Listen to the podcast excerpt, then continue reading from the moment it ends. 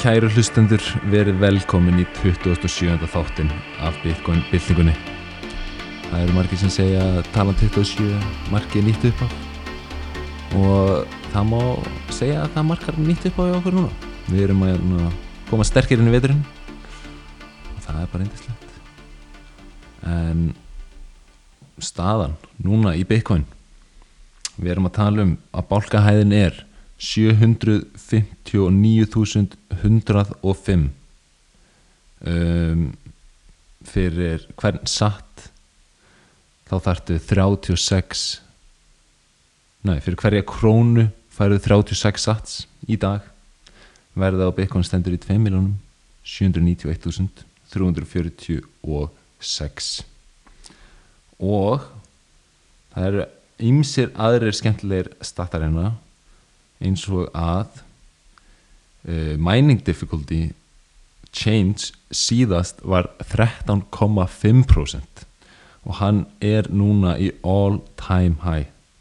Þannig að Þess að bara all time high hæsta breyting frá upphafi nei, nei, þetta er bara anna, difficulty að, að mæna hefur aldrei verið hæra Já, einmitt, difficulty, já, einmitt og það hefur aldrei verið meir uh, tölvukraftur á netinu. Já, en er í dag þrátt fyrir að verðið sé í lægðum. Einmitt. En þetta stökk 13,5 er líka bara dálítið stort það er svakarætt og það er svakarætt að sjá hvað er mikið af tölvum að koma inn á netin og difficulty change næsta estimatað er nú, núna í 4,17% og þetta difficulty adjustment mun eiga sér að stað 24. oktober þannig það er freka crazy. Um, já, ég held að það væri gaman að fara að bæta fleiri stöðsum inn í, í þetta. Eins og hvað eru kannski mikið að byggt á lightning? Einhverju svona aðrir, ég held að við gerum það kannski fyrir næsta þátt.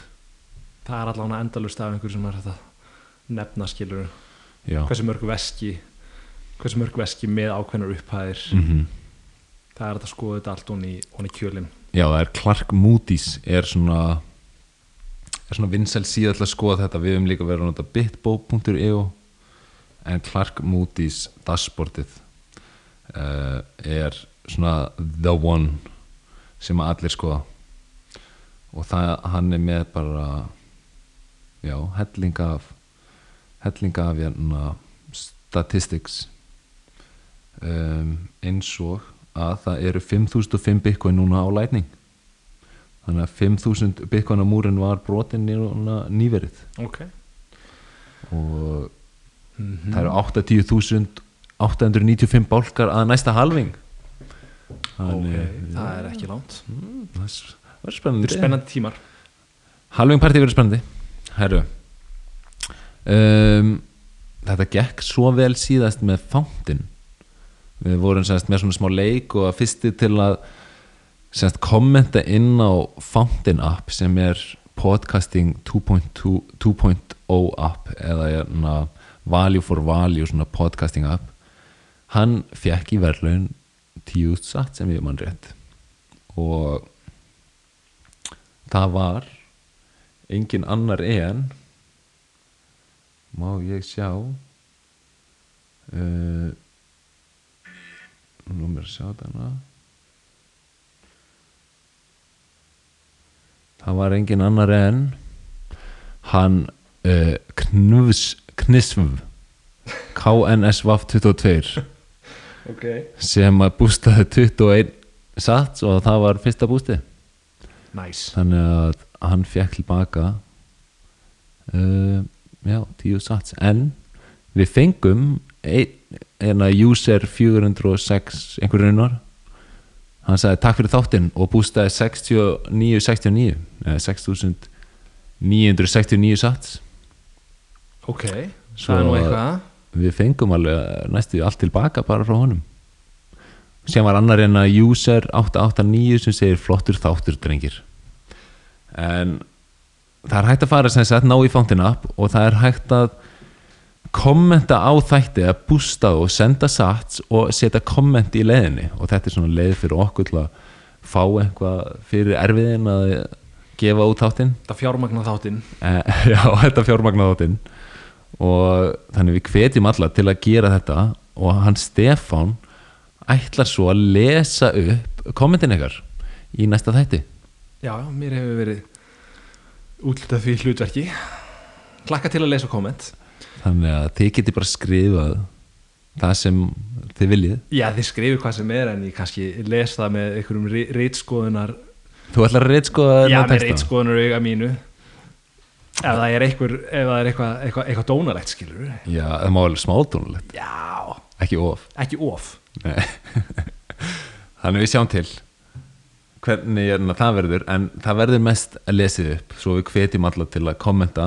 Og ef það verður eitthvað, ef þetta fer úr böndunum og allir eru að bústa okkur þá kannski höldum við þessu við topp 5, kannski 10 kommentin Við finnum út úr því. En það kemur í ljós, Ég við vonum alltaf að verða eitt. Og Fountain App Fountain Up. Þetta er value for value. Þetta er leiðin. Að, að, að mínum að og við höfum gert þáttum það þetta sé framtíðin í, í monetization á internetinu. Já, nákvæmlega. En herru, við erum ekki tveir hérna. Nei, heldur betur Hvað ekki er í gangi hérna? það er komið gestur. Ok, er, situr hér. Eða að kynna hann? Já, Ok, herru, ég kannski ekki kynna hann. Þetta er hérna, mjög góður vinur minn og, og þjálfari sem ég er búin að vera hjá núna í alveg nokkur ár. Hann Einar Karl. Velkomin Þakka þér fyrir, gaman að koma. Já, ég er búin að vera mjög spenntur að, að, að, að fá þig í þáttinn núna í talsverðan tíma. Já, og, hann, að- og bara fá að ræða eins málinn og bitcoin og já hvernig getur maður sagt nei við ívarinn? það er erfitt. Ég byrði ekki áttum greiða. Nei, að, þú farið það sem byrður um en já, bara velkomin í þáttinn og bara hlaka til að spjalla hérna. Það var sérst þannig að, þannig að ég er búin að vera æfa einar og síðan er ég, þú veist eins og ég gerir svona reyna orðinspilalið og eitthvað. Og vissi svona að einar væri móttækilegur. Já, Meðalgrund já, eða, já, eða undir með eitthvað svona, ég held að ég nái þessu. Já, af því að þú veist það er sérstaklega hvernig þú veist, ég held að þeir sem hafa mætt á æfingar til einars í Primal já, þú, hann rekur sem sagt líka sagt stöðun á Primal og er þar með þvílíkt prógram sem ég bara lofa fyrir. Og, og það er svolítið svona hugsað út að mínum að frá first principles. Það er svona já, er einhvern veginn er ekkert svona gefið fyrir víst sem var bara svona er að þetta er bara gert svona. Þetta er einhvern veginn allt hugsað út frá grunni og, og komið að svona mjög lógískum niðurstöðum sem make a sense. Og þannig að það var svolítið einmitt. Um, ég sá að það var sterkur grunnur fyrir að ná góðu orðspilaðar og það reyndist rétt. Mm. því að fáir hafa verið jafn góðir síðan nýja orðspila liðið og einar. Ég hef búin að vera pínu grimmur sko. Já, í hvað langan tíma, hvenær er þetta sér stað? Hvernig ætlaði að verið Síðast þegar við vorum í 19 já, það- var síðast við vorum 19 Já. það var á, á, á rönnunu upp. Já, einmitt og kannski bara byrja, þú veist svona, manstu hvað var svona, hvað var þegar klikkaði svona fyrst hjá þér? Já þú komst náttúrulega og hérna varst kaupa hjá mér eitthvað enga tíma já, og svo spurur hvort þú mætti borga í Bitcoin. Og ég vissi náttúrulega ekki hvað Bitcoin var þá. Það, jú, til í þetta bara. Eitthvað að prófa bara hva, hvað það væri. Síðan hérna maður þú tókst eitthvað nokkra enga tíma Já. og þetta var í einhverju appi þarna Blue. þú notum hana fyrst. Vorum Blue World nei, það var eitthvað löngu undan því sko. jú, ok, ok, það var eitthvað það var eitthvað.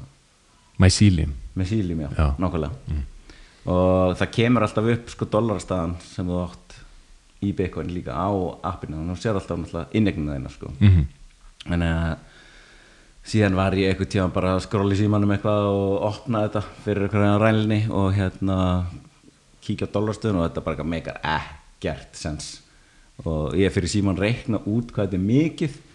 Og þá var þetta komið eitthvað hundra áskalla og ég sendi þér þarna skilaboð og bara Ívar, getur, getur þetta stemt hvað, hvað er í gangi hérna? Það stemmer ekki og sér múin að borga mér hérna einhver, einhver hundra áskalla í enga tíma sko. það var, jú, jú, byggjum er leiðin upp. Og þá var svona fyrsta sinn sem ég var svona bara, hvað er þetta? Einmitt. og þá vildi ég fá í raun að vita bara meira þó að hérna, þú hefur alltaf svona skotið að mér einu og einu skoti sko, hvað, hvað þetta er sniðugt og hvað þetta er í grunninn svona. En þannig, þá var ég svona, vildi ég fá að vita bara meira og svona skilja humdafræðina alveg bara frá aðtilu mm og þá hérna, höfum við nú átt mörg samtölin síðan þá. Einmitt. Og fyrir mig það bara svona uh, meika þetta fullkomi sens sko. eins og frá svona grunngildum eins og maður talar um hvað, hvað er peningur og annað og þá svona bara er þetta algjörlega rökrétt að þetta sé málið og, og aðri hlutur séu þá ekki málið í, í kryptoheiminum? Uh, út frá þeirri staðarind að þú getur þá gengið út frá því að það getur enginn rugglað eitthvað í þessu. Það var það fyrsta sem ég fannst mjög svona áhugavert. Mhm. það getur enginn prentað meira eða þú veist. Eða breytti reglunum. Eða breytt reglunum eða einhver einn náungi ákveður bara hérna að hérna dömpa öllu og, og verði hriðinu síðan eða hvernig sem það er. Þannig að þetta er rauninni bara svona dálítið ritað í stein reglurnar sem þú spilar eftir og hérna síðan er það bara upp af upp á almúan að gera hvað, hvert verð, verðið fer upp eða niður sko. Mm einmitt. En, en grunngildin breytast aldrei. Einmitt, það er svolítið hannig Já, ég, þetta var á skemmtilegum tíma náttúrulega, þetta var svona búlmarkaðurinn var að byrja og, mm og hann að einmitt, þetta var þegar eitthvað var líka hann í 19.000 og já, hann að en hvað var svona, þú veist ég mann við áttum þessu umræði, við vorum að tala um hvernig hvernig það væri að verðbólga væri miklu hærri en vextinir já, og að, að þú veist sparnarinn er stanslist að rýrna. Einmitt. Og, og það er náttúrulega fárlegt að þú þurfir að kaupa þér eitthvað Já. til þess að geta venda peningi inn í staðin fyrir að geima hann bara Mhm. inn á banka eða hvað sem það er já, það er fárlegt að þú getur síðan bara eftir 20 ár valla keftir bensintank á bíliðin sem þú hefði kannski getað keftir bíl fyrir einmitt 20 árum fyrir skiljiði Já. Mhm. það var aldrei svona bara úf, ef maður fyrir að reikna tilbaka og hérna það er oft virðist veist, ég hef átt nokkuð svona samtölu fólk að virðist ekki alveg skilja þetta af því að það segir alltaf bara já en launin hækka, launin hækka já, jú, jú, launin hækka sko en einu stans sem þú ert búin að sitja á banka en hækkar ekki. Já. sem, því þá að spartnaður þinn auglustlega rýrnar og þú hefur minni kaupmátt fyrir Mhm. það sem að mér finnst það er bara hræðilegt. Það er bara magna hvað maður spáir ekki í því Einmitt. fyrir en maður kemur Bitcoin. Þú veist, maður, maður gefur því ekki gaum, maður bara spáir ekki í því. Þetta er bara einhvern veginn, bara svona peningur er eins og peningur er, Einmitt. það er bara já, já, það er eitthvað verðbólga eitthvað, maður ge, þú veist, það er bara eitthvað gefið það er Einmitt. alltaf verðbólga Já. og eitthvað, Ja, já, svona er sér, þetta bara. sér þetta með eitthvað vexti og eitthvað og hann að maður spáir aldrei alveg lýs en síðan þegar maður fyrir náttúrulega spáir svo fer bara að sjá bara svona, wow bara, þú veist, hvað er þetta og af hverju er þú veist, þegar maður lendir illa í verðbólkunni sko. og við höfum fjallað um þetta hérna, sko. það var hérna, við sögum einhvern tímann einhverja sögu af því þegar að uh, fólk fann í húsi hérna í, innveggjónum þá búið að setja einhverja 40.000 dollara sem voru þú veist, ótrúlega mikil svirði árið 1950 þegar þeir voru settir ánga fyrst. En þú veist, núna er þeir bara eins mikil svirði og 40.000 dollara eru í dag. Nefnitt og ég var bara í síðustu viku heima, heima hjá ömmu afa. Og amma var að segja mig frá því sko, hún misti pappa sinn þegar hún var lítil og hún fekk sem sagt uh, arf greitaninn á bankabók. Mm. og hún var ættleitt þannig að þetta var, sko, þetta var blóðföðurinnar en hún var hjá annari fjölskyldu. Og hún var með hennar peningin á bankabók og það var bara einhver sem að sá um hann og hann var bara geimtur hérna inni og hún var aldrei að pæla einu svona í honum. Svo þegar hún var hún fullorinn kona þá fór hún að seglast eftir þessum peningum og þá voru þeir búin að vera inn á bók sem var óvertriður sem þýði það að arfurinn sem var, þetta var ángríns bara eitthvað svona, þú veist, heil fastegna eitthvað á sínum tíma var orðin einskísvirði nánast. Og hún var að segja mig frá þessu og ég var alveg bara svona þú veist, þetta var ekki rétti tími til þess að vera orange pilla ömmu sína sko.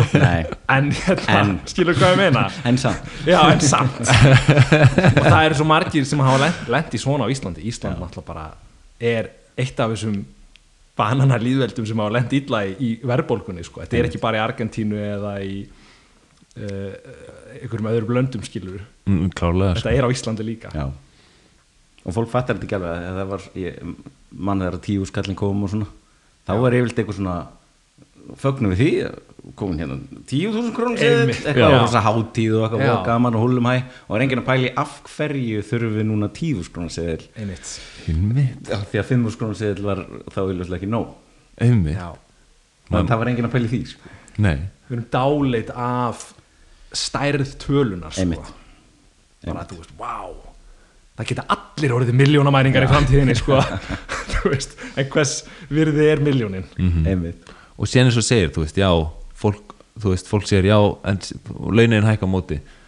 En þetta býr til bara svo erfitt, erfiða, þú veist, stöðu fyrir verkafólk að þurfa stanslaust að berjast fyrir launun sínum.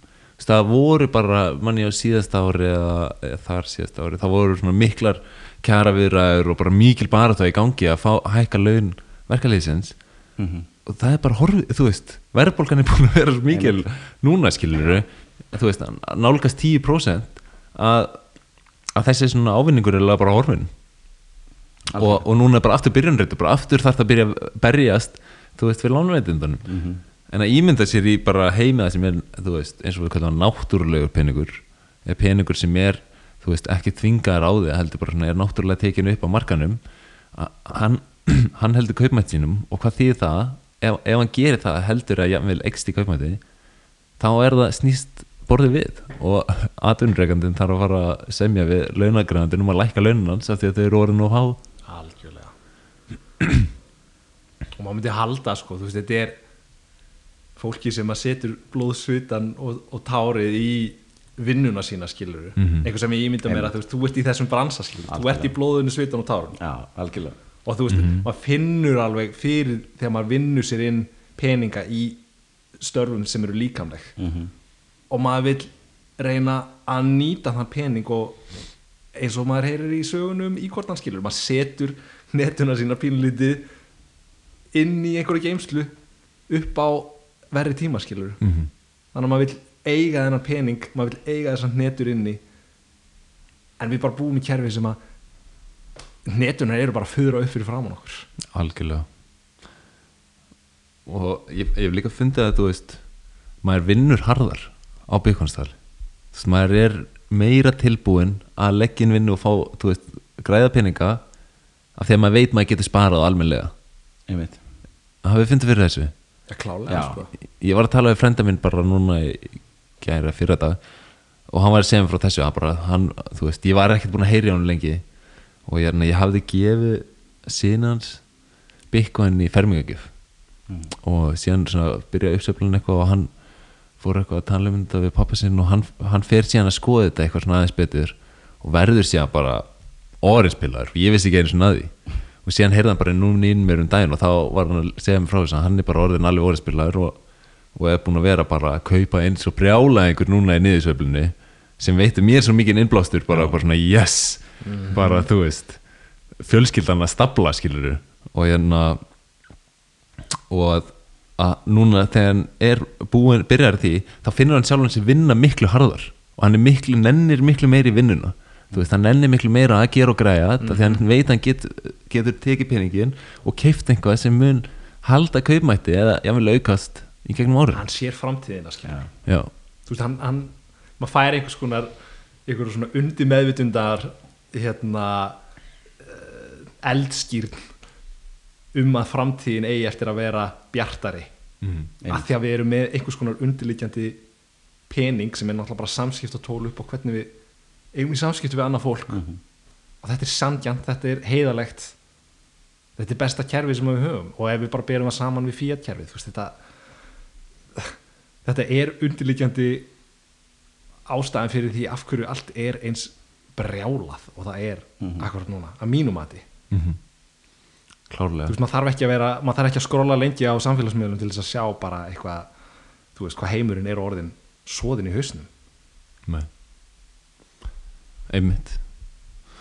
Og líka bara, þú veist, eins og einar þú, ert- þú ert með þinn rekstur og þú ert að, þú veist, fókusa mjög mikið inn á það sem þú gerir. Og þú veist, þetta er þetta er að mörgu leiti, þú veist flókið og þarf að gera og græja. Að halda að þú eigir síðan að fara bara og líka sérhæfa þig í mörkuðum. Einmitt, það bara gengur ekki upp. Nei, það gengur ekki upp. Af því að þú ert aldrei að fara að ná að gera bæði almennilega. Þú veist, af því að sérhæfis í mörgum þér að vita allt um, þú veist skuldabrif, þú ert að vita hvernig lánu þú átt að taka á húsið þitt. Þú veist, allar að taka verðtryggt eða óverðtryggt eða og hvað ætlar síðan að þú veist, ætlar að vera í fastegnamarka eða hlutabrifamarka eða ætlar að eiga skuldabrif þú veist þetta er ekki á hvers manns færi sko. mikið fyrir flesta sko. Já, og þetta er ástæðan fyrir því að svo margir leita í fasteignir. Þetta er bara gömul Já, tuggaskilur mhm, og þú setur peningin í steinsteipuna það hefur alltaf virkað hinga til. Mhm.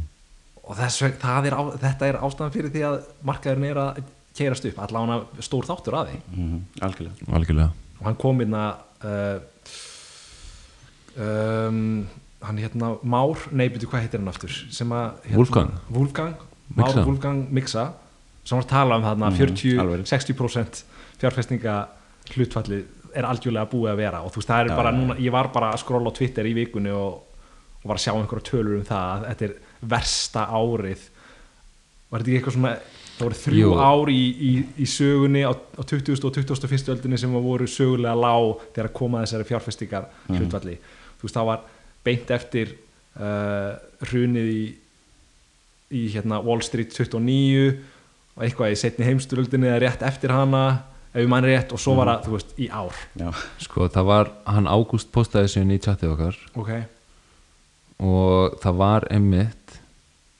ef ég púlaði það bara upp hérna Endilega. þá er þetta þrjú ár það sem að bæði hlutabref og skuldabref hafa verið hérna, í mínus. Mm.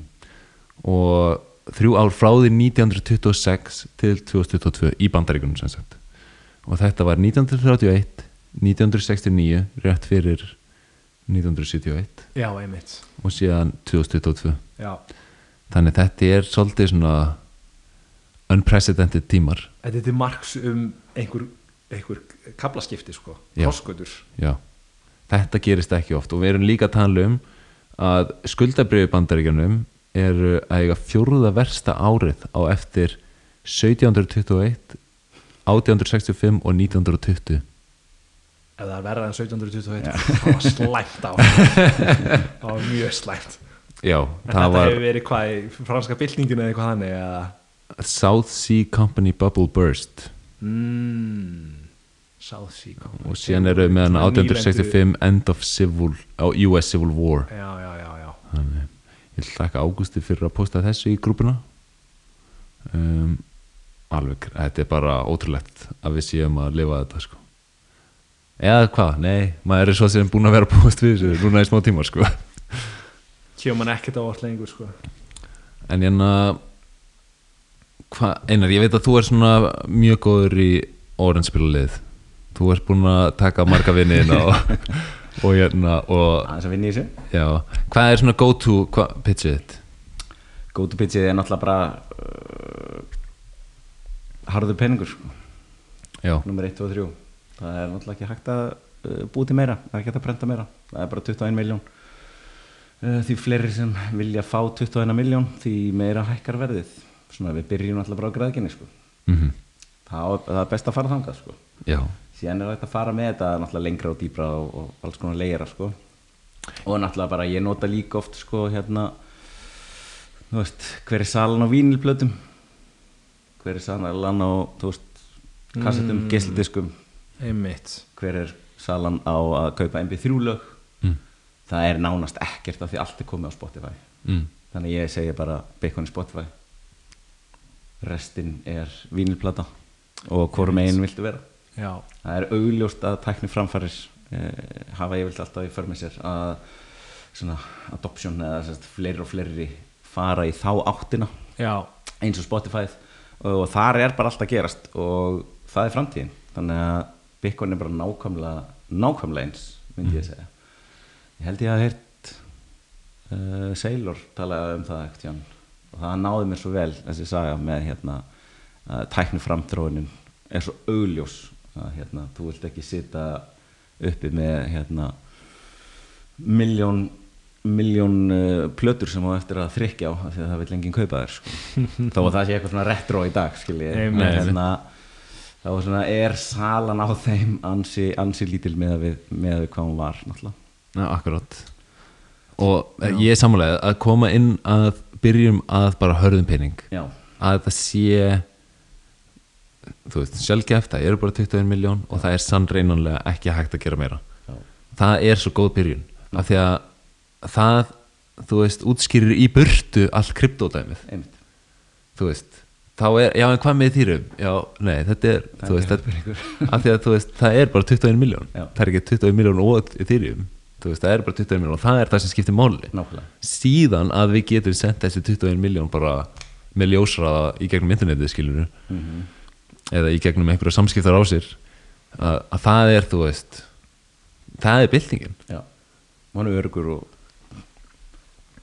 augljóst að sannreina að hann sé þinn. Já, Þetta einmitt. ég fer ekkert mikið þangað Að svona, það er komið aldrei langt fyrir flesta svona, í fyrsta spjalli. Já, maður þarf að taka þetta í, í þetta skrefum sko. já, mm og, já, en en virðið samt, þú veist, já.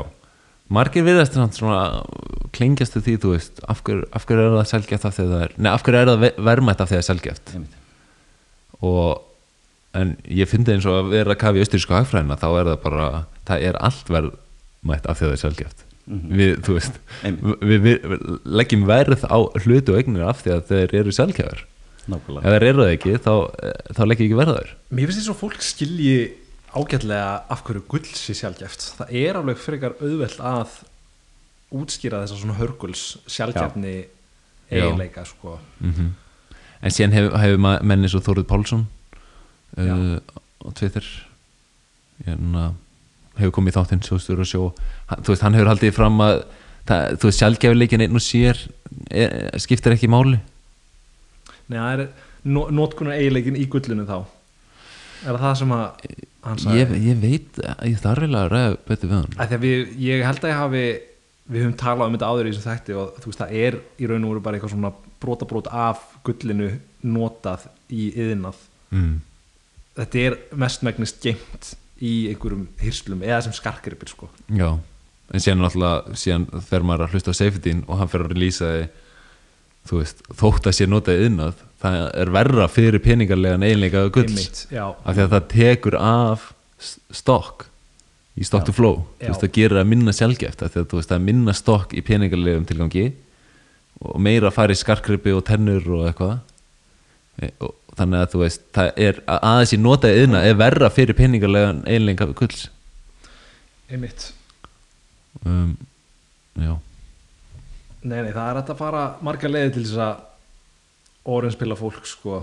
En maður finnur alveg fyrir því núna það er þessi bjarnamarkaður í gangi og, og svona það er aðeins að hægjast á einhvern veginn umræðinni bara þú veist á Íslandi sko þú fyrir á Twitter það er allt brjála það er alltaf við þetta en bara svona upp á að gera hvernig svona bitcoin í íslenskri menningu er að uh, umræðin er eiga sér stað.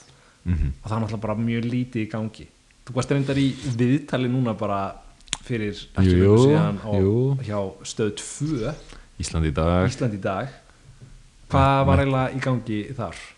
herðu eitt, ég var bara hringt í mig ég var bara, ég var í útlöndum bara í fríi og spurði hvort ég gæti komið í viðtal og ég hérna held nú það. Og já, bara fór hann í viðtal stutt sinna og, og hann að gekk bara svona ágætlega sko. Já, ég horfði á þetta, mér finnst þú bara standa mjög vel í þessu.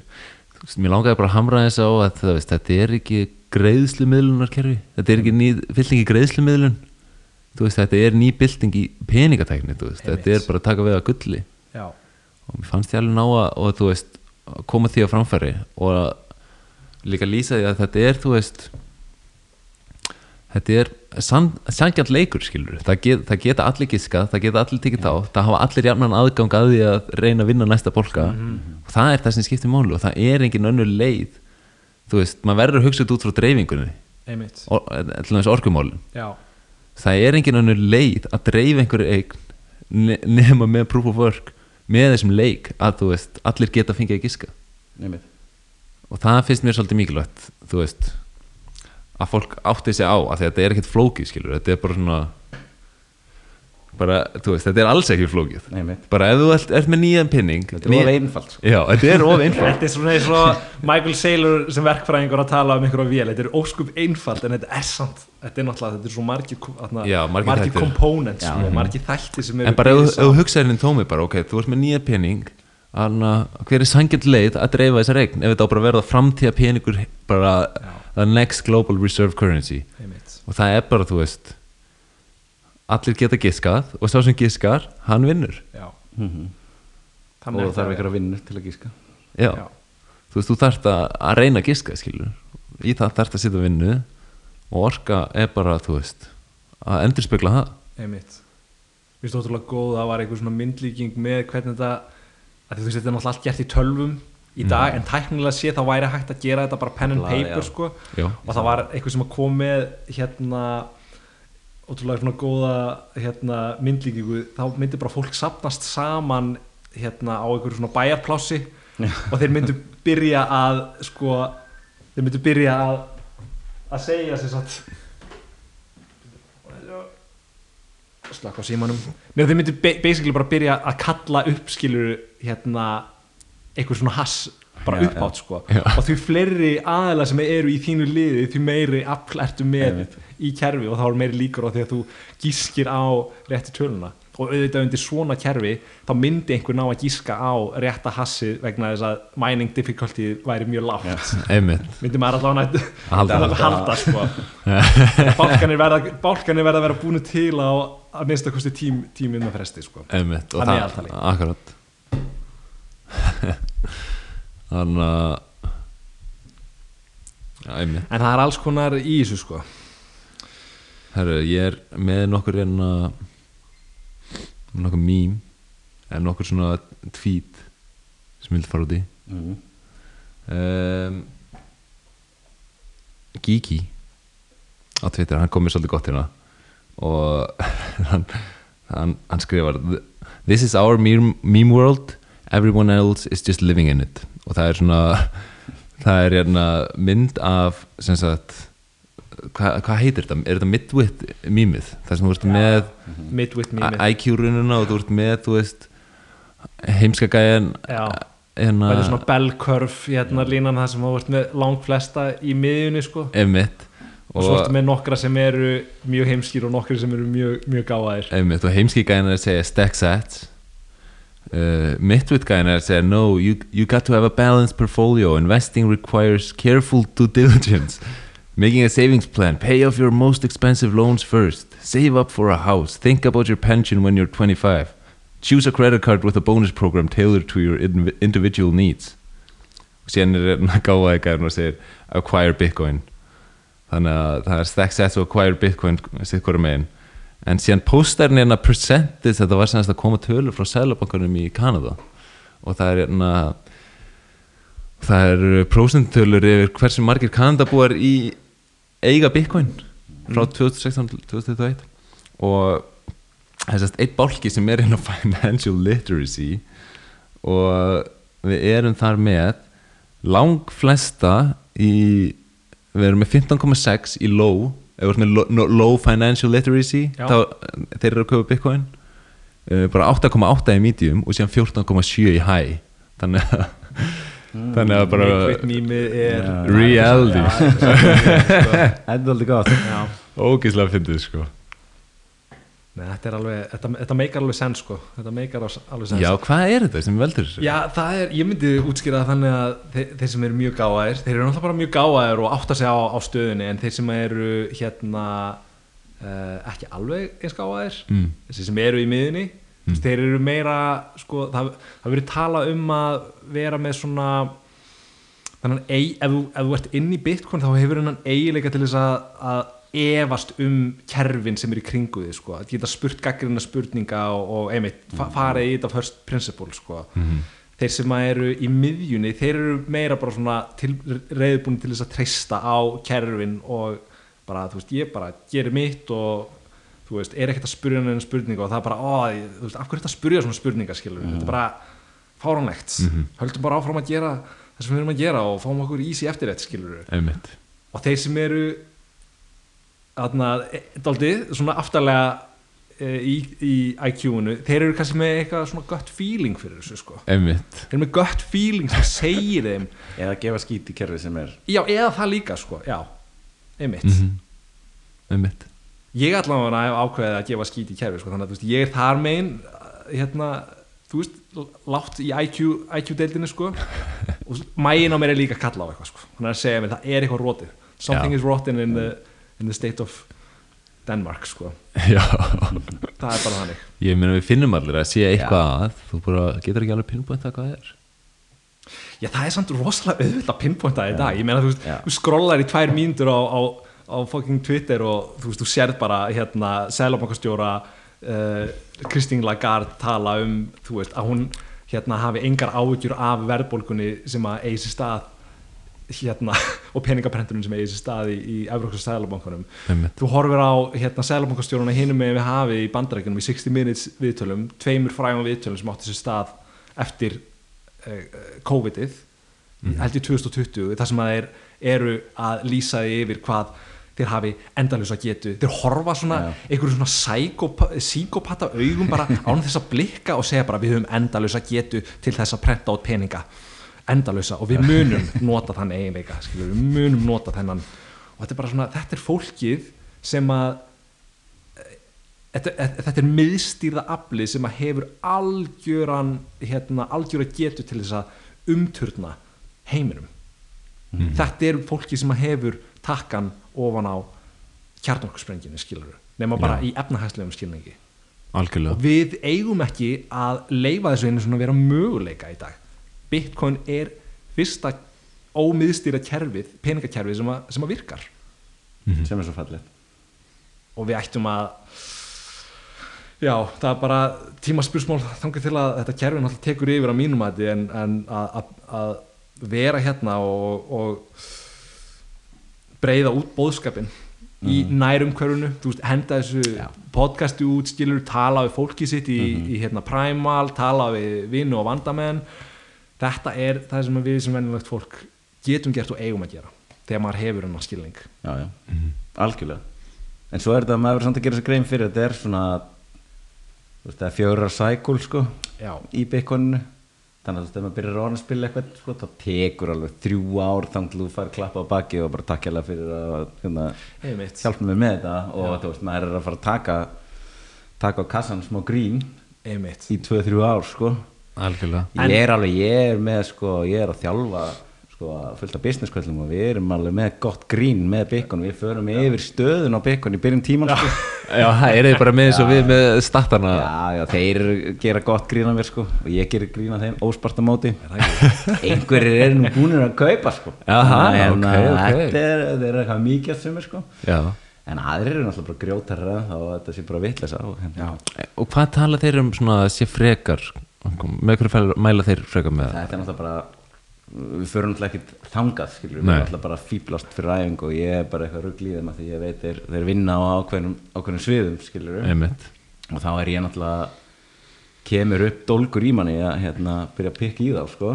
Og, hérna, og hinga til hefur þetta verið mjög skemmtilegt sko. Þeir eru alltaf að gera grína mér og ég tek því bara áfram í tvö árið viðbót og svo sjáum við hvað gerist. Spurning hvort það verið tvö ár. Nei, það byrjar fyrr.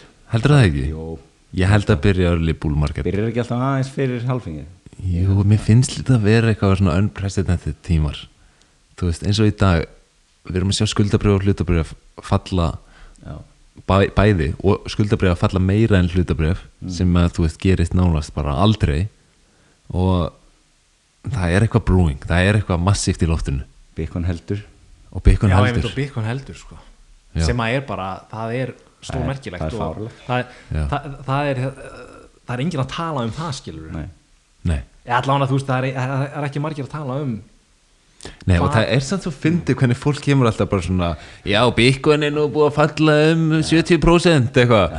Þú veist, ángríns þreja mánuðum fyrir þennan hápunkt sem þú ert að tala um þá var það bara í svipum stað skilur Nei.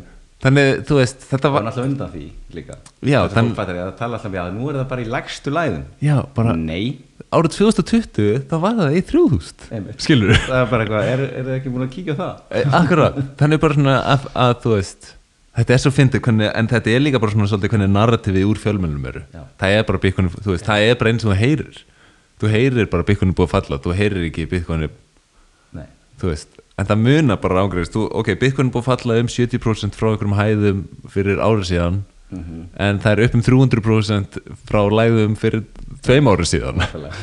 skilur. Það gleymst alltaf sitt í samingi já, og tímalínan er oft valin sérstaklega til þess að hi- hitta á narratífuna Já. sko.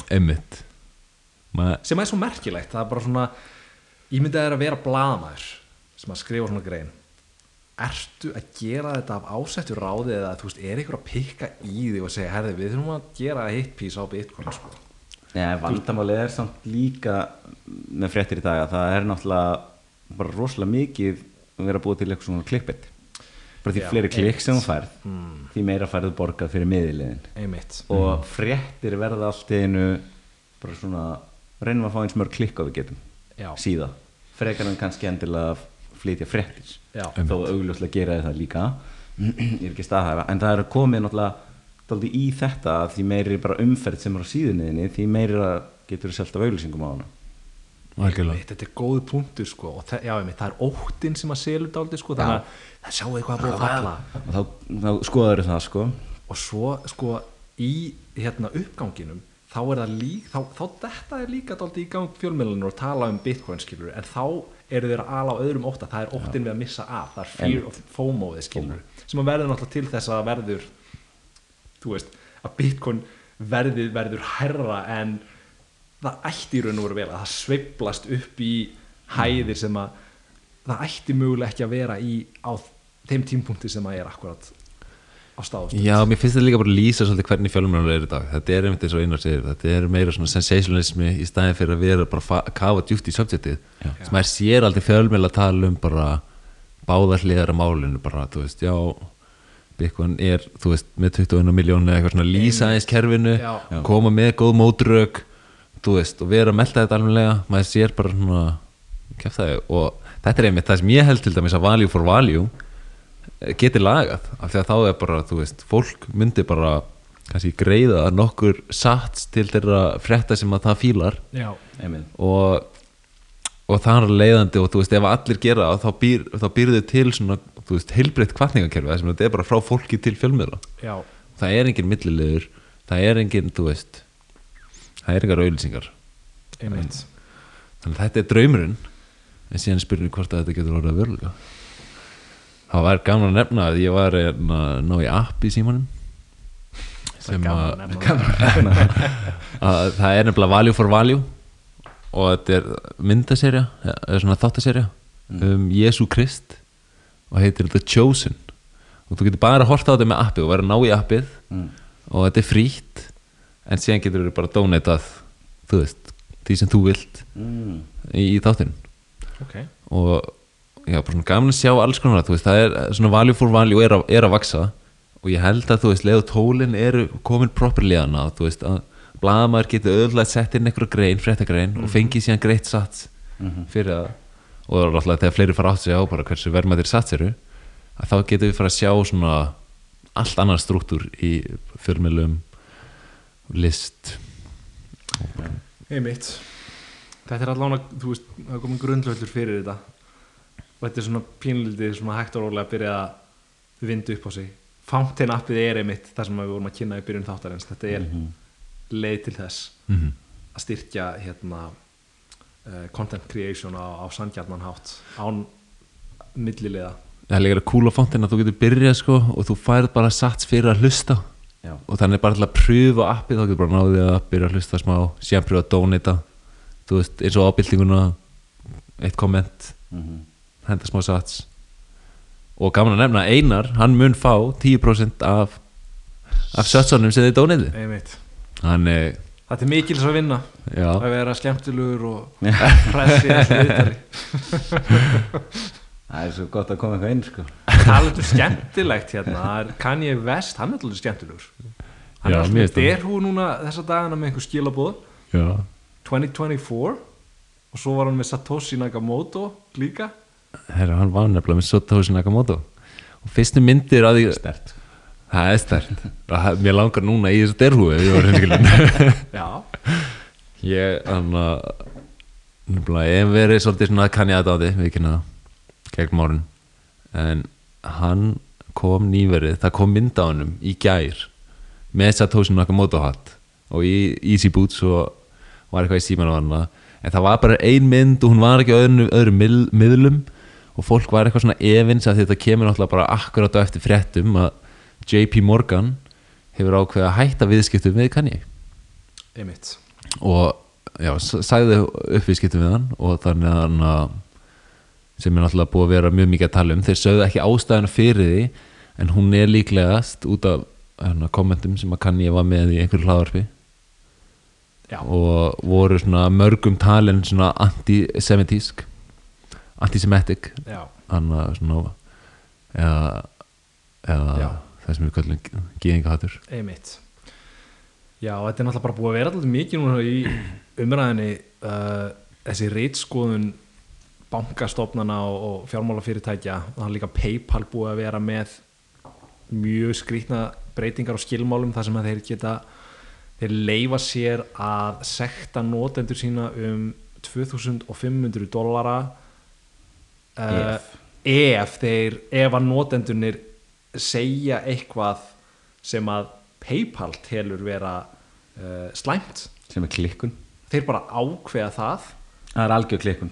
Og það er bara hérna pínlítið, já þetta er algjör klikkun þetta er bara daldið svona hræðilegt upp á framtíðan að gera. Ef að fyrirtæki eins og Paypal er að gera þetta í dag ímyndi ykkur hvernig þetta verður þegar að sko seðlabankar sem að munu að öllum líkitum búa til þessa central bank digital currencies þar sem að þeir eru algjörlega alráðir og alsjáandi á allar peningalegar eignir mm mannkynsins að þeir hafi vald yfir því að annarkvort sekta uh, einstaklinga eða bara loka á einstaklinga. Þetta er bara svona svipaður í gangi núna í Kína skilur Kína eru með svona kerfi í gangi í dag og þeir eru að nota þetta. Já, þetta er einmitt þegar maður er að skrolla á Twitter skilur ég sá eitt um daginn sem var alveg hræðilegt. Það var bara hérna, myndband.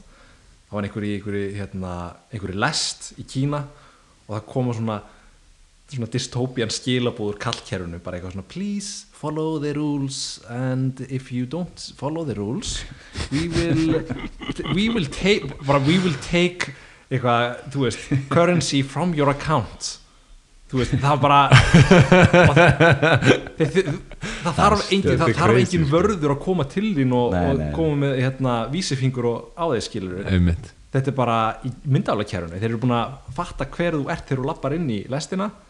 Og ef að þú setur tyggjóðið undir stólinn þá er bara, sorry 2500 dólar, let's go. Já, það er, það er rosalegt. Og þú veist að sjá Paypal gera þetta þetta er bara svona algjör precursor fyrir það sem koma skal þetta var náttúrulega bara nokkra klukktímar eða ekki? Svo tók þetta tilbaka. Jú, af því að það var, var allt vittlust var það? Það var já, já, ég vissi það ekki sko. já, það var alltaf vittlust, allir loka reiknum sem taka allt út bara. Já ég, lo, ég lokaði reikninu mínum til margar ára. Og þeir bara þeir gaf allan yfirlýsingu að þeir dræði þetta tilbaka sko. Já, og voru bara svona, úps.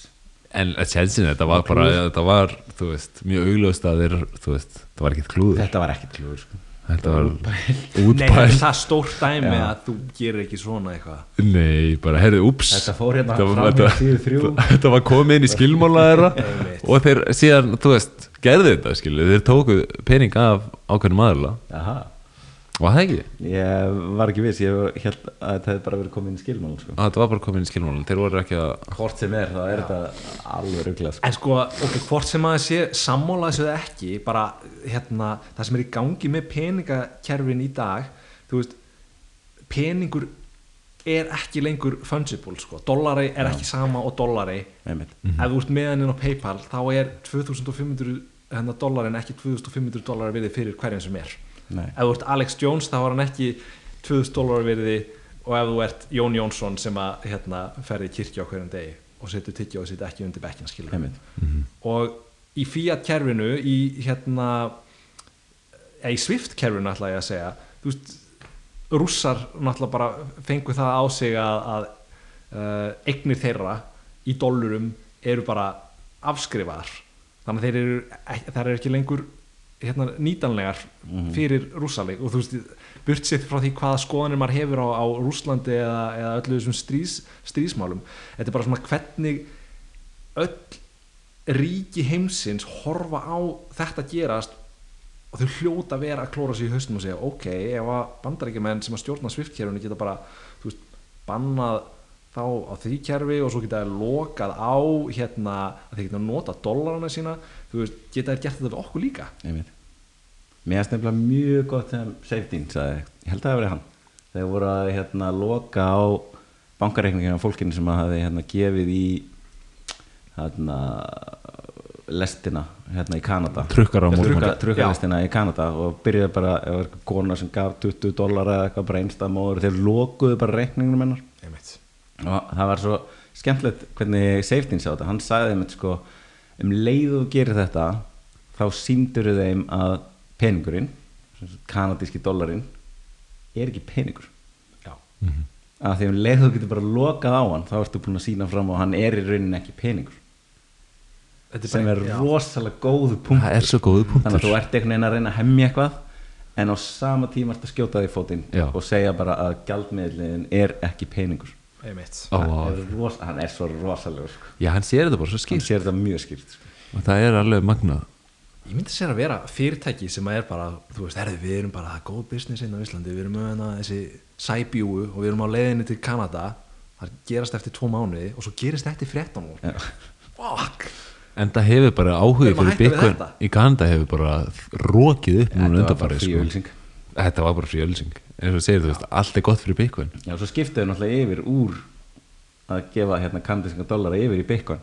Já, fyrir, fyrir trökkalistina það var náttúrulega bara lokað á allt og þar sér maður svona hversu mikil hversu mikil stjórn þess, þessi, þú veist ég veit ekki hvað að kalla það bara, þú veist the global elite, einhvern veginn skilur að hafa á kerfinu, af því að leiða að kemur eitthvað svona upp á mótiðum Einmitt. þá hafa þeir bara tök til þess að loka bara á allt einhvern veginn. Já. það er bara GoFundMe, þú veist hvaða síða sem það var, það var lokað. Já.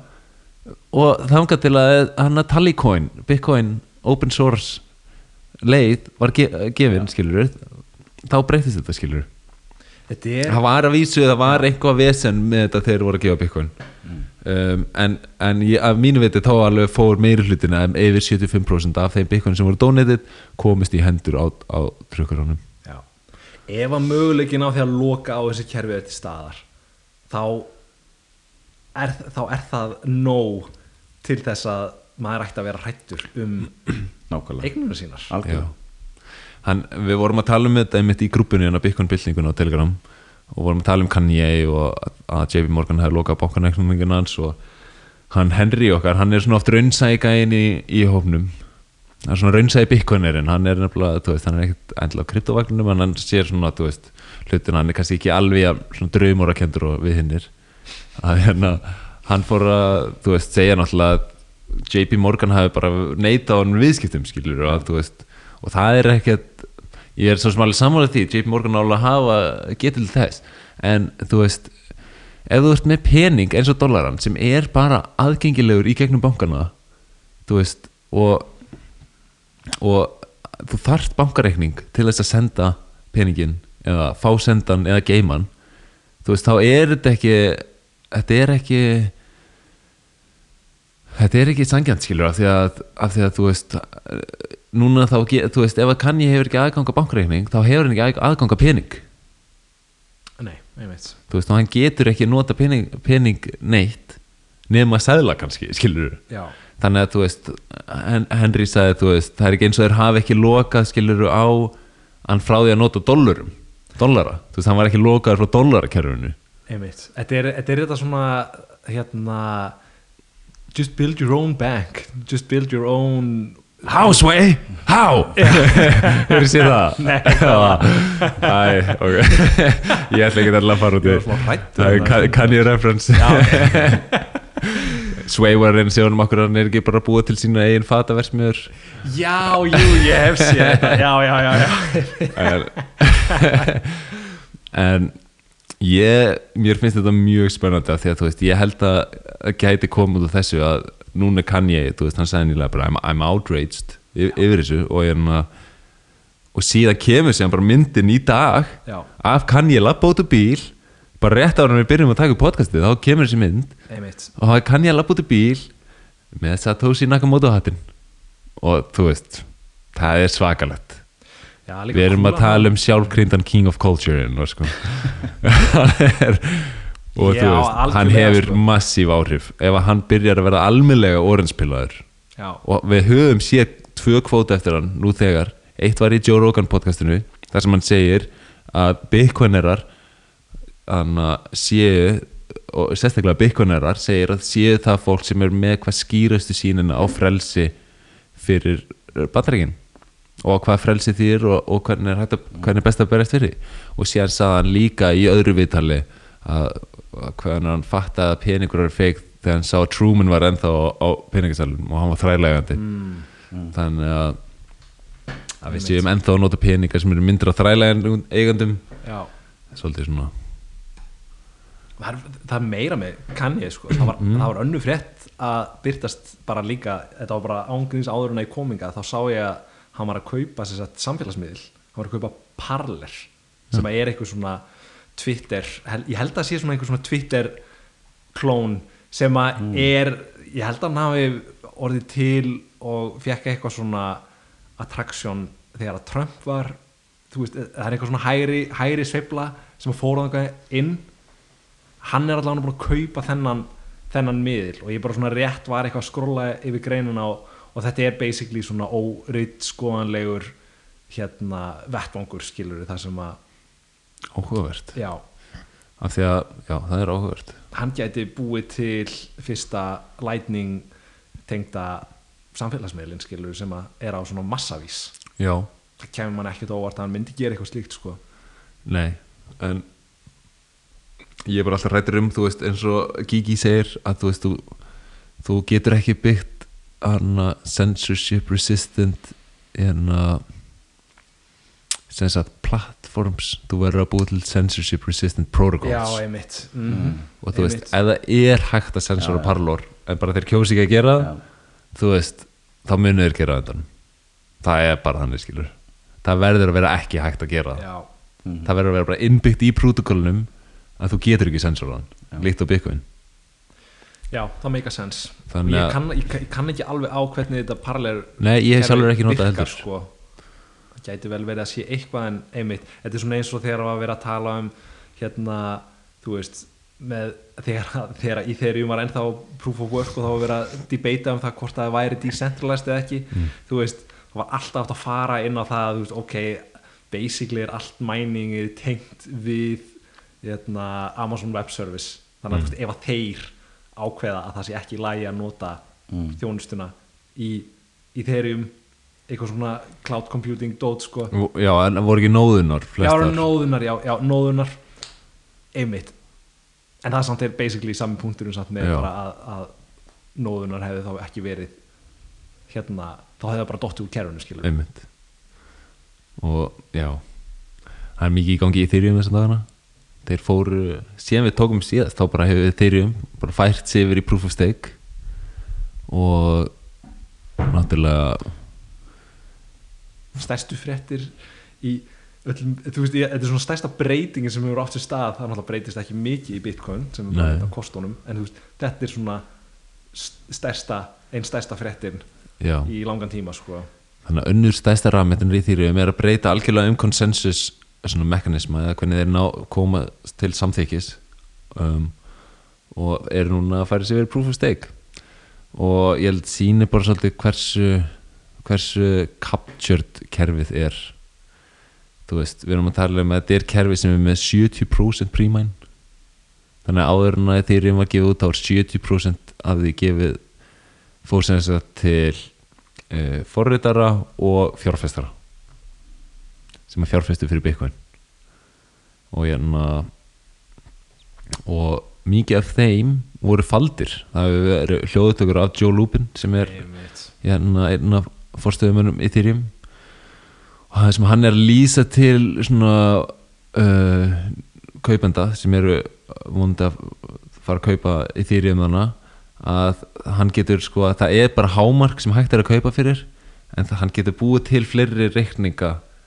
Þannig að þú veist anonymous reikninga þannig að þú veist mm. einn aðali getur keft meira skilur þannig þeir eru svona að þeir eru að reyna að fela dreifð Já. fjárfestingana basically já. sko.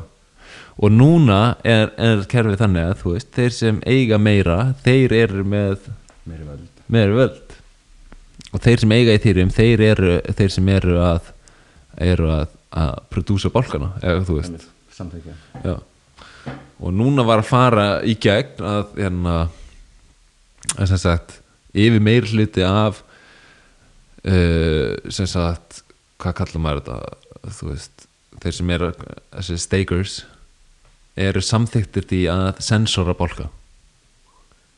Og held að þetta heitir UFAC þetta, þessi hérna uh, þessi censorship aðferð. Já, og er það hérna- reynd skoða aftur í tíman eða? Nei, þá eru þeir allir samþykir um að ætla reytskoða ef þe- þess þarf Mm. já, virkar þetta svona eins og þegar það kemur hérna svona, svona hérna bip að þú veist mæniranir eða þeir sem eru með steiki þeir gefa signal um það. Já, Já, einmitt, ok, þannig að þeir eru búin að gefa signal í þeirrium, Mm. steikarnir þeir eru búin að gefa signal um það að þeir séu reyðbúnir til þess að eða vilja sensora já, ef þau eru verið á, ok. Já, það er áhugavert og auðvitað ekki góða fréttir fyrir í þeirrium eigundur, myndi ég segja. Nei, líka því að þú veist flæstir í þyrjumeigundur eru að keira sína einn óðu. Fæstir í þyrjumeigundur eru, þú veist, með eitthvað seg í þessu. Og það er svona kannski það sorglegana sko. Að þeir eru allir svolítið svona þvingaðir inn í þessar breytingar. En hérna kemur bara ljós bara af hverju, hversu mikilvægt það er að keira þína einn óðu og vera þinn einn herra svo þurfi ekki að lúta undir reglum einhvers annars Já, klart mál Það er líka mjög skrítið að kaupa hlut sem breytist svo bara Já. Án þess að þú hafi nokkuð um það að segja Einmitt. sem mjög weird Já, og sem eh, gefur alveg skina að þetta er ekki, þú veist, a commodity, skilur, þetta er security. kaupir Volvo og svo er hann bara Saab á morgun Já, það ágrið. er svipað skilur. Sap á skautum svona, taka hjólin af. Við ákvæðum þú keiptir það nú? Ha, þetta var ákveð þetta var ákveðið þetta var ákveðin tekin af hérna the Ethereum Foundation Mhm. er það ekki? Mhm. að breyta úr proof of work yfir í proof of stake. Þetta er ákveðin sem að tekin Já, jú, og þessi ákvörðin er tekin, já, kemur öll frá The Ethereum Foundation og þú veist, það er bara klikkun að það sé já, hægt þetta er bara svart og hvítu að þetta er ekki ómiðstýrt já, þetta er nefnilega svart og hvít og þannig að það er, að því sögðu, þá er ég með gott kvóti hérna frá hinnum eina sanna hvar, já, hérna er það. Hérna frá hinnum eina sanna Bitstein Mm. sem er hérna Bit, Bitcoin Rabbi. Nei, þetta er Michael Goldstein Þetta er hérna Þetta er strákur sem hefur verið með að nakamotoinstitute.org með Pierre Rochard og gamall austurísku hagfræðingur sem var sem er early og hann uh, mæli með að fylgja hann á Twitter Bitstein uh, algjör, bara svona skýr hugsuður og hann segir The value of shitcoins is showing how Bitcoin got it right via negative example Einmitt. og það er eitthvað svo satt við þetta. Að þú veist. Þetta er negla. Já, Já, maður þarf að ganga í gegnum hérna, þetta er svona the hero's journey sko. það þarf að ganga í gegnum brennistein og, og ösku sko, til þess að komast að hérna, einhverjum leyndadómi sko. það sem að allir búa í, í sandjarni framtíð Frodo kemur aftur heim í, í bæinn sinn og það er allir þetta bitcoin. Einmitt. Það er dálítið gott sko. þannig maður vill oft svona pyrra sig á þessu þú veist, hvað þetta þú veist, að fólk að falla fyrir í dýrum og að hvað þetta sé allt svona augljóst og stúpid eitthvað. Síðan er maður bara að þetta er samt bara mjög gott og skýrt dæmi yfir í hvernig á ekki gera hlutina. Mm. og það er eiginlega bara spilast út eins og flestir hefðu spáð. Og þetta uh, sem sagt að meiri hluti af steikurum ætli að framfylgja þessum reytskoðunum er bara annað dæmi um, um þetta sko En akkur verður að skipta? Bara energy fötið það?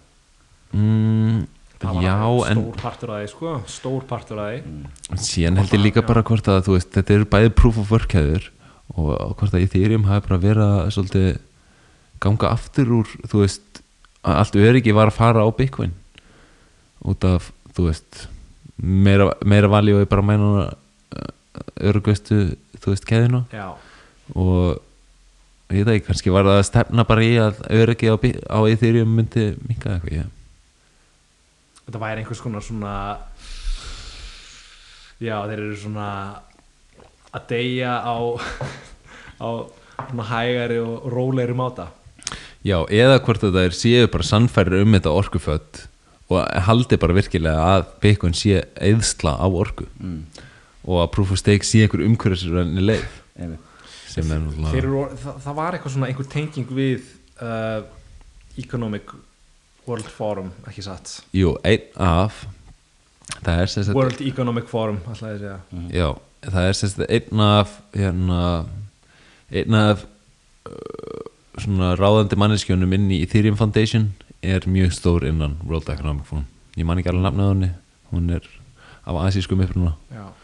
um, ég bara, þú veist, maður hefur, maður hefur séð svo marga, að það sem að Bitcoinar eru svo góður í að gera, þeir fara í þessi first principles og þeir eru svo duglegir að leita að göllum í sínu eigin kerfi sko. þú veist, að hlusta á hérna What is Money show með Breedlove og, og Sailor þar sem þeir eru þú veist, bara að fara yfir bara, veist, hvað hvaða möguleikar eru á því að Bitcoin feili skilur og þú veist það eru orðnir svo rosalega fáir möguleikar sem koma til greina Einmitt. að maður velti því fyrir sig hvort að henn ráðandi öll sem að vilja auðvitað halda sínum völdum eins og þeir geta þeir eru orðnir bara pínlítið desperate að þeir átti sér mögulega á því að þetta er erfiður leikur að vinna fyrir þá sko. þannig að þeir fara í næsta bara möguleikan sem að, sem að gæti mögulega virkað í þeirjum er hérna næst stærsta rafmyndin og, og hefur alls konar þú veist svona, þú veist, stærð og, og, og, og hérna svokraft fólk þekkir þetta sem vörumerki. Kannski er þetta bara besta bettið þeirra. Mm og þeir eru bara að leita í Vitalik það er Aya Miyaguchi sem er Executive Director hjá Ethereum Foundation. Hún er hjá World Economic Forum. Mm. og líka gaman að gefa til að JP Morgan voru einn af uppásmönnum að Ethereum. Og einn af svona fyrstu fjárfæsturinn ok, er það official eða er það það er official já. Ok, um, en já bara þú veist ég veit ekki bara svona að orkufötið það er svo maður skil já maður skilur samt alveg hvernig það kemur þú veist að fólk eh, sér alla orku sem er farið til kerfi og sér ekki alveg þú veist hvort að þetta hafi einhvern tilgang. Það eru samt nokkur hluti sem, sem fólk skilur ekki líka. Já, sem er, til dæmis minnst alltaf ég fyndið að ef þú keirir ramaspíl þá ertu algjör dýrlingur en ef þú mæna Bitcoin þá ertu að drepa heiminn. Mm bara, Bæ- uh, ha? Hvað meinar þetta er bara fáralegt og fólk, ég held að fólk átti sér heldur ekki á því hvernig, hvernig ramagnið er búið til og hvernig við geymum ekki ramagnið sem er búið til. Nei, það er líka stór hluti að fólk fattar ekki að þú veist, við erum ekki að framleiða og nýta 100% af framleiðslunni allan sólarhengin nei, framleiðslan heldur áfram en notkunin dettur niður til þess ummitt algjörlega. Við sem alltaf mjög sniðut að hlaða ramaspílinn sinna á nóttunni mm þegar að ramagnir er ennþá í framleiðslu en enginn er að nota. Akkurat en svipað hefur það hægt að gera með Bitcoin og mæningið og, og það allt saman sem stiður kerfið sko. algjörlega, Og taka við alltaf þess getum- umfram orku sko. Já, já, afgangs. Og myndað verðmætti úr henni. Já. mm og það er enginn að pæli þessu. Nei. Og það er svo fyndið að Ís, við erum alltaf að hugsa um hvernig getum við skapað einhver svona hérna, verðmæti úr einhver svona afgangsafurðum. Þú veist, taka róðið af fisknum og gera eitthvað skilur Já. og allir að, allir sem að finna einhver, einhver, einhver nýtingu á afgangs- og úrgangsefnunum þeir eru algjör snillingan, þú veist, þetta er eiginlega, þetta er bara nákvæmlega eins. Nákvæmlega sama. taka afgangsorkuna og nota hana til að búa til Verðmæti. hrein verðmæti. Einmitt. Hrein verðmæti. Já, harðasta pening sem hefur nokkuð tíman verið til. Einmitt. 21 miljón Mhm. Ég hef myndi oft verið að æfa mig á netinu svona, eða oft, á og til, svara svona einum og einum. Já, Það er mjög skemmtilegt, Já. bara alltaf að æfa mig að svara spurningum sem koma. Þegar maður ætlar orðanspilaði liði síðan, það var fínt að vera með einhver svör sko, þegar koma spurningar á móti. Einmitt. Og það var einmitt talað um orkuna og ég, og ég var að segja við hann hérna, að- að það skiptir máli hvað ert að búa til fyrir orkuna. Skiljið, þannig að bara ef þú ert að setja orku í eitthvað rugl þá er náttúrulega eftir að eyða orku getur verið að menga og ég veit ekki hvað og hvað þú ert bara að búa til eitthvað drast skiljið eða þú getur verið að búa til til dæmis eins og bitcoin harðasta pening sem, að, sem upp hefur verið. Og þá var ég að spura og getur þú tekið hann harðasta peningin og keift með honum í bónus? Ég sagði nei ekki ennþá. En þú veist pe- gull væri þá næst harðasti peningurinn sem til er í dag ekki satt? Jú. er hann verðmætur? Já, já. Getur þú farið með hann út í bónus nei. Þú getur ekki keift náttúrulega skapaðan hlut fyrir hann í bónus. Og það er svo gaman að sjá hvernig fólk hugsa hlutina mismunandi, þannig að alltaf henni þegar komið rafmynd, þá er þetta eitthvað einhver satanísk ég veit ekki hvað sko. Nei, einmitt. Fólk sér þetta svo myndrænt einhvern veginn og er búið að til þessa ímynd. Einmitt, já. Það er býnandi erfitt að Það er mjög, þetta er erfitt. Það er mjög erfitt sko. Finn, já en maður einhvern veginn, maður má ekki hérna, maður má heil ekki sko láta það á sig fá. Maður verður bara að halda áfram og, og reyna Já. að fara aftur í þessi þú veist, grunninn, þú veist, hvað Já. er peningur. Einmitt. Einmitt. og fólk líka, komir á óvart líka í þessum svona heimi að fólk tekur þessu svo persónulega. Já, það verður alveg verður brjóla alveg tjúlast peningurinn minn sem þú veist að tala um sko. Já Sem ég skil, þú ert náttúrulega Já, að já. segja við einhvern bara svona í fyrsta lagi að hann skilji ekki hvað peningur er. Já, og það er náttúrulega, þú veist, að segja það við einhvern þú veist, það tekur á egoið, bara svona já, ert að segja mér að ég veit ekki hvað peningur er. Ég er, þú veist, kemur ég tæri við pening á hverju minnst degi. En síðan er þetta náttúrulega líka það að fólk sér tilgang penings miklu meira í, sam, í skiptum við aðra heldur en skiptum við sjálfsi Já. þegar það hefur ekkert verið svolítið vandi að peningur sé að, þú veist, að þú sért að eigi skiptum við sjálfa þig af því að eins, eftir, og ég, ég læri þetta eftir að ég fór að læra austurískafræðina og þú átt í miklu meiri skiptum við sjálfa þig heldur þú átt við aðra. Af því að þú ert stanslist að eiga spurninguna ætti ég að kaupa þetta eða ætti ég að spara? Já, þú veist, ætti ég að gera þetta eða ætti ég að spara? Og það kemur miklu oftar upp í gegnum daginn heldur en í þau skipti sem að þú ákveður að mm, kaupa eitthvað og, og að þú átt í skiptum við aðra. Já, þannig að margfald með skipta við sjálfa þannig að þau skipta miklu meira máli heldur en þú veist eh, skiptin sem átt við aðra. Og við algjörlega ofmetum uh, gil, eh, þú veist, eiginleika penings í að að ver- vera góður í að skipta við aðra og vannmetum eiginleika þessi að skipta við sjálf okkur. Einmitt. Þú veist, það er svo tækifæris kostnaður sem verður. Já, mm. nákvæmlega. En að orkunni þá var hérna einmitt Bitstein var með svo gott tweet um, um það og hann segir hérna The only way a Bitcoin miner can waste energy is by trying to mine an invalid block. Honest miners Já. seek efficiency and conservation of energy. einmitt Þannig leðum maður sér að þetta er lokuð lúpa orkan er öll að fara í Bitcoin sem að e- verða alltaf til og öllum, þú veist og eru bara til í 21 miljón og allir hafa aðgang að þessum þú veist, harða sparnaði já, hvar er orkutapið þú veist, það er ekki til og það var eitt sem að held ég að Seilur var að tala um eða ég manni ekki hvað var, það var bara að taka saman hversu mikið fjármagn hefur farið að mæna þau byggun sem eru til í dag Mhm. og það stóði eitthvað, þú veist 30 miljón dollarum og, þess, og, og, og þessi 30 miljón dollar er að geima verðmæti upp á 350 miljón dollara eða eitthvað Mm. Þannig að þú veist við höfum bara, þú gætir alltaf fundið betri stað til að setja orku skilur, af því að fólk, þú veist þetta er 350 miljón dollara af því að fólk finnur nót fyrir það. Mhm, við, veist hvað ég menna já, og er að nýta það í dag og er ekki tilbúið að selja á þessu verði. Klárt mál. Þannig, If you like it at 60 you must love it at 20 já. Var það ekki þannig? Ó já, I do love it at 20 I do love it at 20 og maður er bara búin að vera já, duglegur að stakka. Það er nú ekki það þetta er búið að vera veistla fyrir okkur sem hafa, sem höfum byggt upp samfæringuna og sýnir bara svona hversu verðmætt hún er. Já.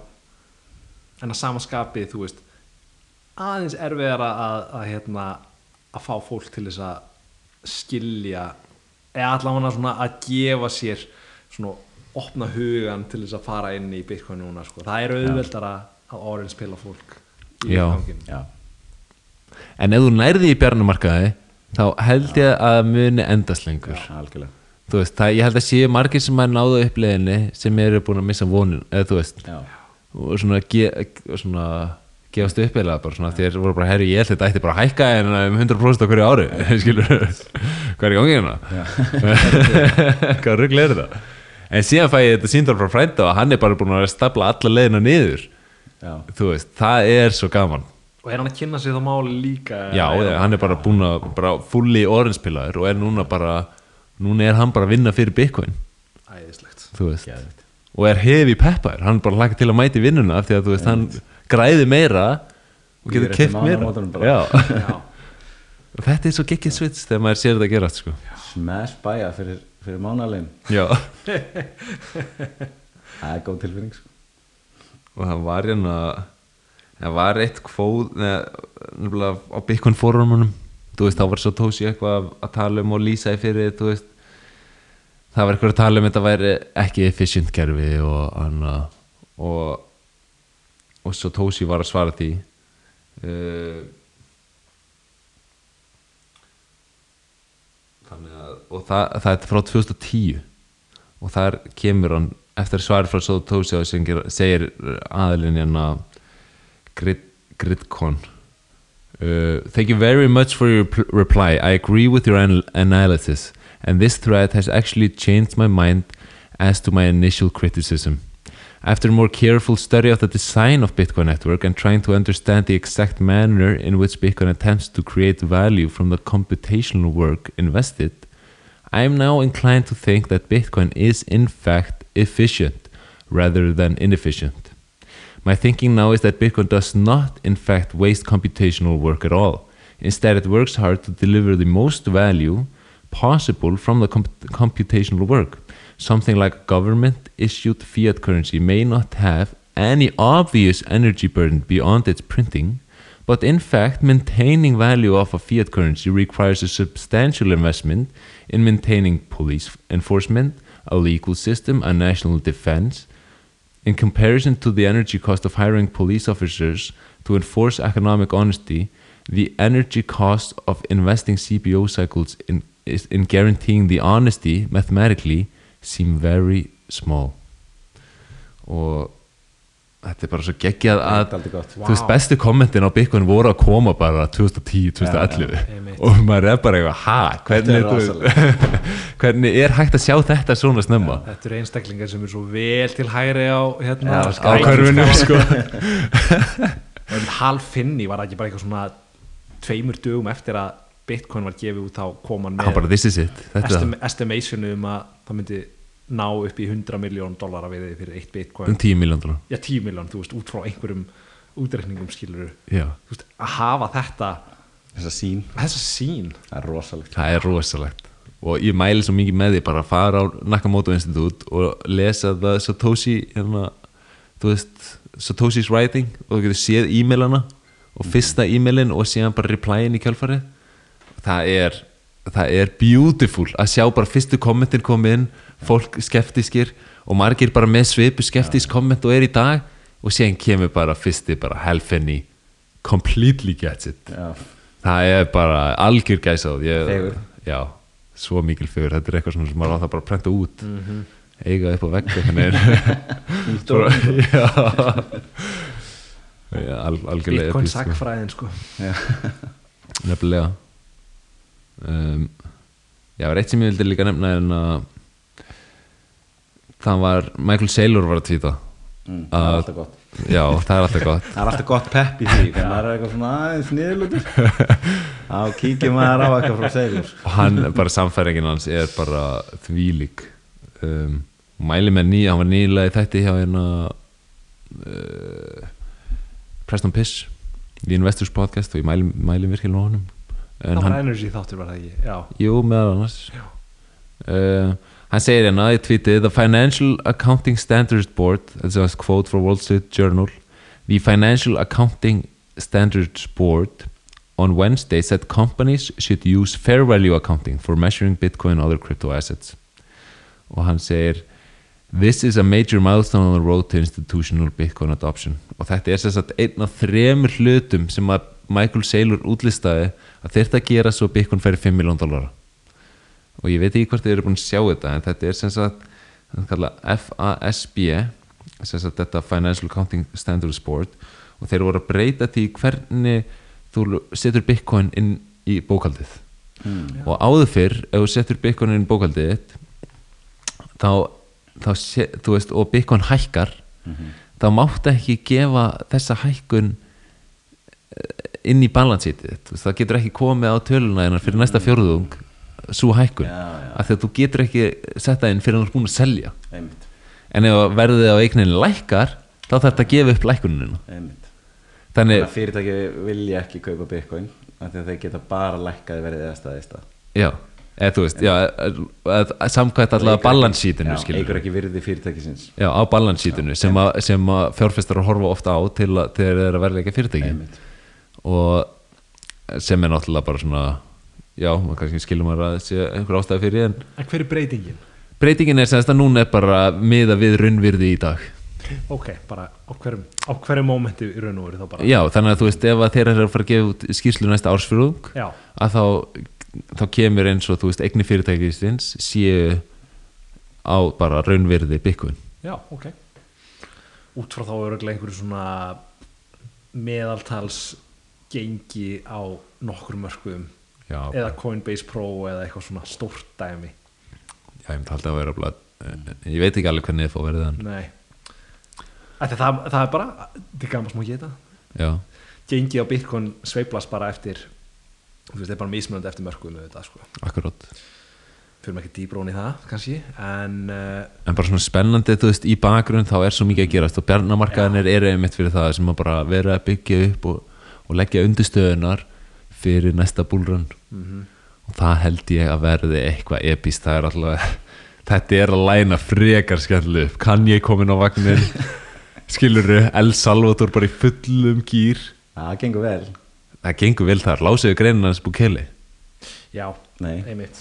Hann gátt greinina do not drink the uh, Kool-Aid from the já, financial Elites Kool-Aid og þetta var geggjur grein sko og bara svona, þú veist, það er alltaf uppleiðana í El Salvador Já, ég kom með hérna það er alltaf upplegin nema eitt sko. ég get Mm. kannski bara lesið þetta upp þetta var, hann setti þetta í mynd þess að þjóðarframleyslan er upp um 10,3% tourism income er upp um 52% employment upp um 7% new businesses 12% upp exports 12, nei, 17% upp uh, energy sem að ég átt að mikið nákvæmlega hvað það er.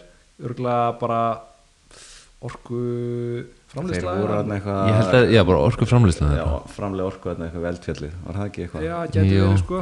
Og þeir eru Það var allavega eitthvað um þetta eldfjall sko. En það er allavega upp um 19% Internal revenue 37% Og energy exports uh, þrjú, 3300% upp. Og svo er eitt niður, það er crime and violence Niður um 95% Og það er einn af þessum stóru pörtum við El Salvador sem er svo fallegt sko Það er samt bilum það, það er bara 95%. 95% og það er bara að tala um það þetta er bara Það hljómar sem svona að við ákveðum bara eitthvað tölu og skelspið á blað og hendi út sko. Nei, þetta er bara, þú Já. veist, ef maður horfir á hérna bara homicide rates Já, þetta er í- svo trill tala sko Já, Já. það meikar ekki sann sko. En þetta er náttúrulega, þetta, þeir voru alveg brútal í því hvernig þeir feng, fengu, Þessa tölu. Já, Já, þú Já. veist, þeir fóru á eftir einmitt. gengjunum og þú þurftir, ekki, þú þurftir bara að vera undir grun og þá varstu farin inn í steinin. já, þetta var aldrei hörð hendi þannig Já, en og það hafa verið gaggrinundur á þessu skilur.